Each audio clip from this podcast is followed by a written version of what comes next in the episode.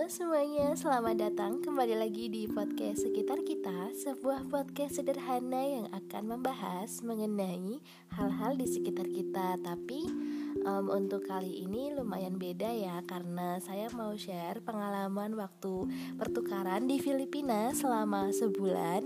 Nah siapa tahu nih ya di antara teman-teman yang dengerin Ada yang minat buat ke sana Atau yang tadinya gak minat jadi minat Terus kalian jadi punya semacam sedikit gambaran ya mengenai bagaimana sih kurang lebihnya hidup di sana begitu. Nah ini juga merupakan hal yang sangat berharga buat saya makanya saya nggak mau simpen ini sendirian begitu teman-teman.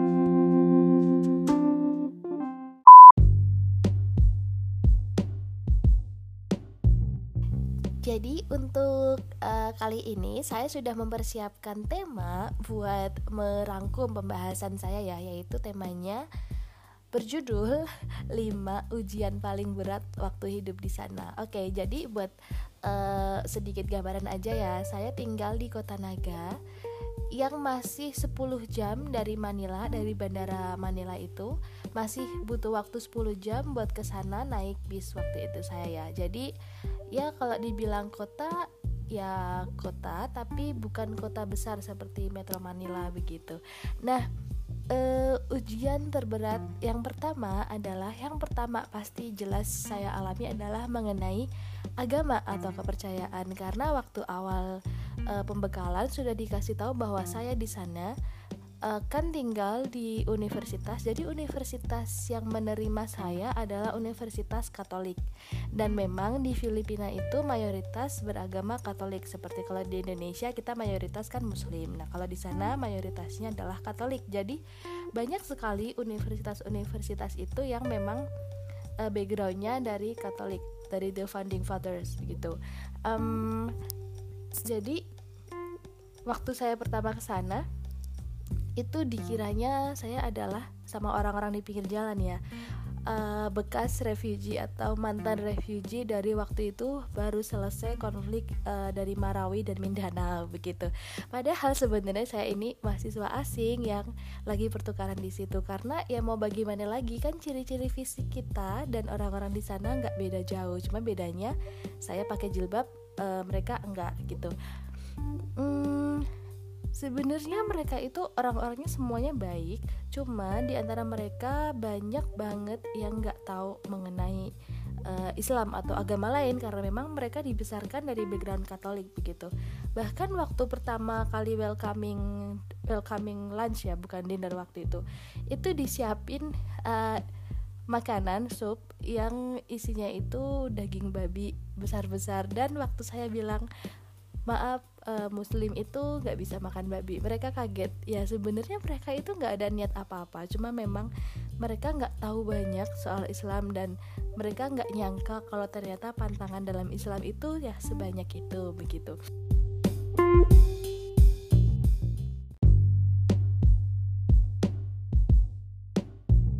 karena ujian yang pertama tadi soal agama, yang pasti saya juga ada kesulitan buat sholat ya karena saya menghabiskan waktu jam uh, dari jam 6 pagi sampai jam 6 sore itu di sekolahan. Kan saya itu bukan cuma exchange yang murni exchange belajar tuh enggak, tapi saya juga ngajar karena sebagai pengganti PPL ya waktu itu. Dan saya bakal uh, bingung waktu mau sholat duhur karena ya nggak ada tempat nggak ada musola dan sebagainya tuh nggak ada. Adanya praying room itu semacam kapel kapel ya gereja kecil itu yang buat uh, berdoa orang-orang Katolik. Nah nggak mungkin nggak mungkin saya sholat di situ. Um, kalau teman saya pernah coba sholat di ruang kelas yang kosong ya karena kalau di sana itu pas jam istirahat pas break itu semua siswa harus keluar dari kelas harus ya makan siang dan sebagainya. Tapi alhasil malah diliatin ya sama murid-murid di sana. Jadi kayak mungkin mereka uh, kaget ya atau amazed karena itu hal baru yang uh, di mata mereka itu hal baru dan nggak tahu siapa yang ada dalam pikiran mereka. Hmm, kalau saya pernah coba sholat di ruang guru dan akhirnya selama sebulan itu saya sholat duhur di ruang guru. Um, walaupun ya waktu awalnya banyak yang ngeliatin kayak oh muslim tuh begini terus ada juga yang tanya kenapa sih harus sholat tiap hari emang kalau nggak sholat kenapa begitu ya saya bersyukur karena mereka itu menerima uh, saya menjelaskan aja saya cerita dan mereka menerima dan saya bersyukur di sana nggak ada islamofobia dan sebagainya itu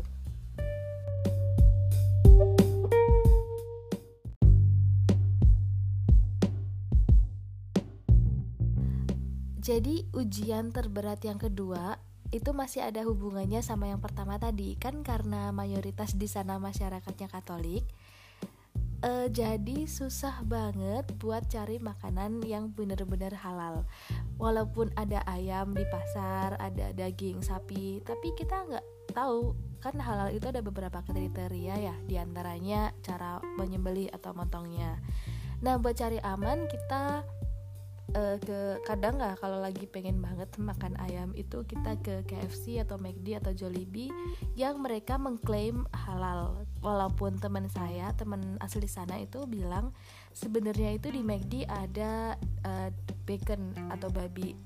Dan mereka nggak yakin apakah penggorengan antara babi dan ayam itu dipisah atau dicampur. Jadi ya ya walau alam karena mereka sudah memberi label halal ya kita coba berani lah ya. Walaupun cuman sekali-kali nggak sering-sering juga. Nah gimana buat makan sehari-hari? Jadi kita ke pasar kita pergi ke pasar tradisional yang di sana pasarnya tuh persis sama banget kayak pasar-pasar yang ada di Indonesia. Bahkan sayur-sayurnya itu semuanya juga sama kayak di sini kan masih sama-sama tropis gitu ya. Hmm, kita belanja mungkin seminggu bisa tiga kali lah ya dan kita tuh masak.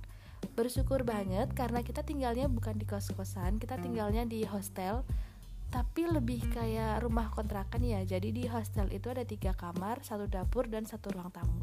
Ada dapur jadi kita bisa masak.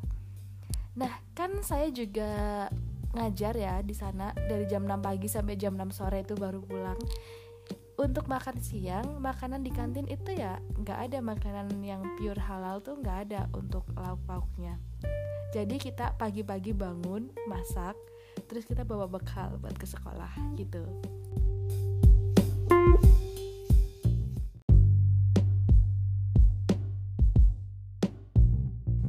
tadi ya, walaupun isi pasar tradisional di sana kayak bumbu-bumbunya, sayur-sayurnya itu sama persis dengan ad yang ada di Indonesia gitu ya.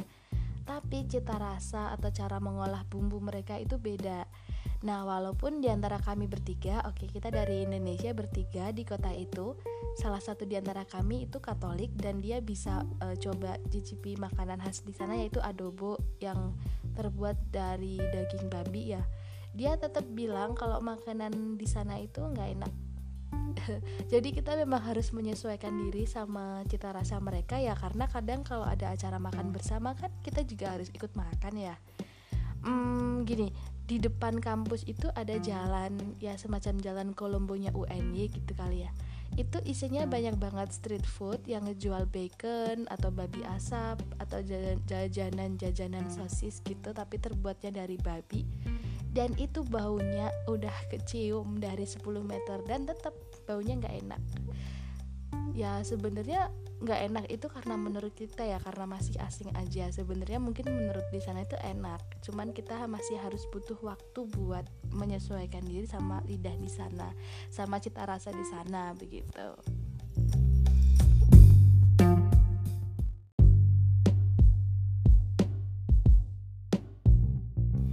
Next, ujian terberat yang ketiga itu berkaitan dengan transportasi. Nah, jadi saya kan dari Indonesia bertiga nih. Nah, dua teman saya itu jurusannya dari pendidikan sekolah dasar, jadi mereka ngajar di SD. Nah, saya sendiri ngajar di SMA karena saya kan dari bahasa Inggris ya. Hmm, parahnya adalah saya pertama sendirian, kedua jaraknya paling jauh. Awalnya kita disuruh naik jeepney, alat transportasi yang mirip angkot ya duduknya ada pada depan uh, kanan kiri gitu. Kayak angkot bener-bener angkot waktu di Indonesia ya namanya angkot. Kalau di sana namanya jeepney. Dan kita nggak bisa sembarangan naik teman-teman. Kita harus bener-bener lihat itu jurusan mana biar kita nggak nyasar dan kita tuh harus menghafal rute. Jadi juga ada semacam oh naik ini sampai situ habis itu lanjut pakai yang ini gitu. Ada juga tricycle tapi itu cuma buat jarak dekat. Jadi semacam becak ya becak kalau di Indonesia itu kan yang supirnya ada di belakang tapi kalau di sana tricycle itu supirnya ada di samping. Dan itu transportasinya murah banget. Kalau naik jeepney itu dulu sekitar 500 peso kali ya nggak nyampe. Uh, kalau naik jeepney itu 500an eh lupa. Pokoknya sekitaran itu. Kalau dirupiahin tuh nggak nyampe 10 ribu lah pokoknya. Saya lupa kursnya sekarang berapa. Um, untungnya uh, akhirnya ada yang mau nganter jemput kita pakai mobil pribadi. Ya walaupun akhirnya kita bayar ya ada kompensasi transportasi bensin semacam itulah. Tapi ya itu tetap kita kalau mau explore, explore ke mana-mana sendirian itu harus naik kendaraan umum kayak jeepney, tricycle dan semacamnya. Dan di sana itu nggak ada Grab, Gojek semacamnya tuh nggak ada. Di sana itu Grab cuma ada di Manila kalau nggak salah. Jadi ya yang terbiasa naik Grab, oke okay, siap-siap ya harus membiasakan diri buat naik angkot gitu.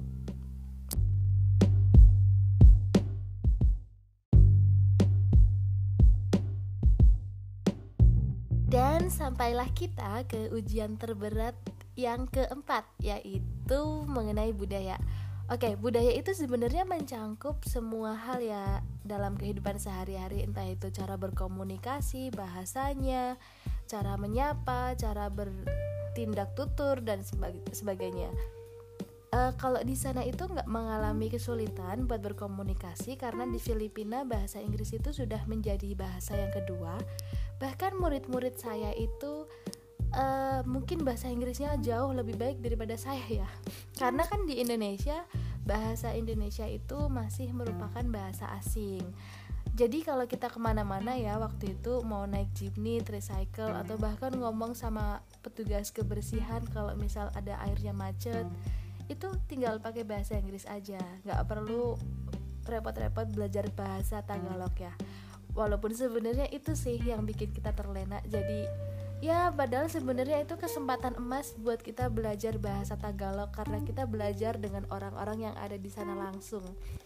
Kalau untuk culture shock sebenarnya nggak terlalu ya karena mereka kan ini dari jajahan Spanyol jadi cara berpikir mereka itu ya jadi open minded orang-orangnya kebanyakan open minded mereka welcome toleran dan sebagainya. Cuman kadang uh, kadang kalau misal kita lagi kumpul-kumpul nih ya terus kebanyakan orang di sana pada ngomong pakai bahasa Tagalog ya nggak mungkin juga kan mereka sama temen-temennya sendiri ngomong pakai bahasa Inggris padahal kan nggak biasa gitu kalau di antara mereka sendiri. Padahal di meja itu ada kita orang-orang dari Indonesia dan kita nggak ngerti mereka tuh ngomongin apa. Jadi mereka pada ketawa-ketawa kita ya cuma diem sambil ngeliatin. Kadang-kadang juga kita ikutan ketawa walaupun sebenarnya nih ya nggak tahu apa yang diketawain. Hmm, culture shock itu nggak terlalu berat ya. Cuman kadang waktu di jalanan kan kita berjilbab ya berhijab. Itu ya sering diliatin. Mungkin ya mereka nggak ada niat buat berpikir negatif. Cuman ini pemandangan yang nggak biasa. Karena di kota itu sebenarnya ada loh perkampungan muslim. Cuman eh, jarang banget di antara mereka yang menunjukkan kemuslimannya mereka dengan cara berhijab. Ada sih satu dua pernah ketemu juga. Hmm, culture shock lainnya apa ya? Kalau soal lady boy gay kayaknya itu udah biasa ya. Di bahkan di Indonesia pun sebenarnya saya sudah uh, mengalami banyak udah banyak experience soal itu sih. Jadi kalau soal itu ya nggak nggak nggak kaget lagi waktu di Filipina gitu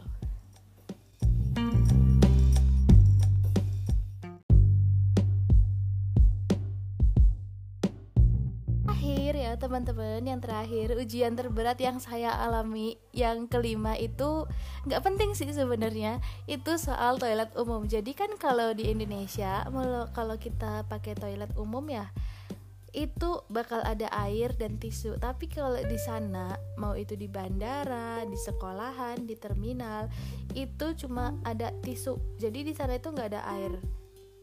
Oke paham kan maksudnya? Sebenarnya mereka itu mengadopsi budaya dari barat ya yang mereka itu pakainya tisu tisu gitu. Uh, tapi kadang juga ngerasa terheran-heran sih. Kan kalau di barat itu mungkin karena mereka susah air susah air ya kayak mereka punya empat musim di mana mereka harus ya nggak nggak setiap saat air itu intensitasnya sama. Padahal kan kalau di Filipina itu mereka kan negara tropis ya sama dengan di Indonesia. Tapi kenapa kok nggak nyediain air di toilet umum gitu? Itu sih yang bikin saya struggling banget karena jam 6 pagi sampai jam 6 sore harus ada di sekolahan ya kadang waktu lagi bodoh-bodohnya itu ditahan sampai nanti waktu pulang sampai sakit perut. Tapi kadang kalau udah nggak bisa tahan oke okay, kita siapin tisu basah sebanyak-banyaknya. Itu sih teman-teman kalau mau ke sana um, itu harus siap-siap aja sama yang seperti itu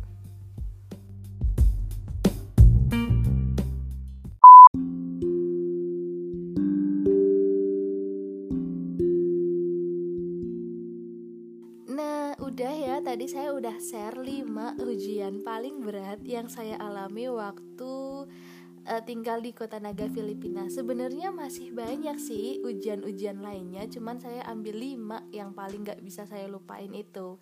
Nah, nanti kalau di antara yang dengerin ini ada teman-teman yang juga exchange ke Filipina tapi di bagian kota lain atau yang mengalami hal yang berbeda atau justru berkebalikan dengan yang saya alami, boleh loh kita sharing-sharing um, ada juga siapa tahu yang tertantang gitu buat memilih Filipina di antara banyaknya pilihan negara-negara di Asia Tenggara gitu. Kalau mau tanya-tanya boleh, silahkan. Saya bakal senang banget kalau ada yang mau mencoba hal-hal baru seperti itu. Hmm, sekian aja. Terima kasih sudah mendengarkan podcast saya yang sangat sederhana ini tolong diambil yang positif-positifnya aja. Kalau ada yang negatif saya mohon maaf. Ya pastinya ada ya walaupun saya nggak sadar begitu. Oke terima kasih sekali lagi. Sampai jumpa di episode selanjutnya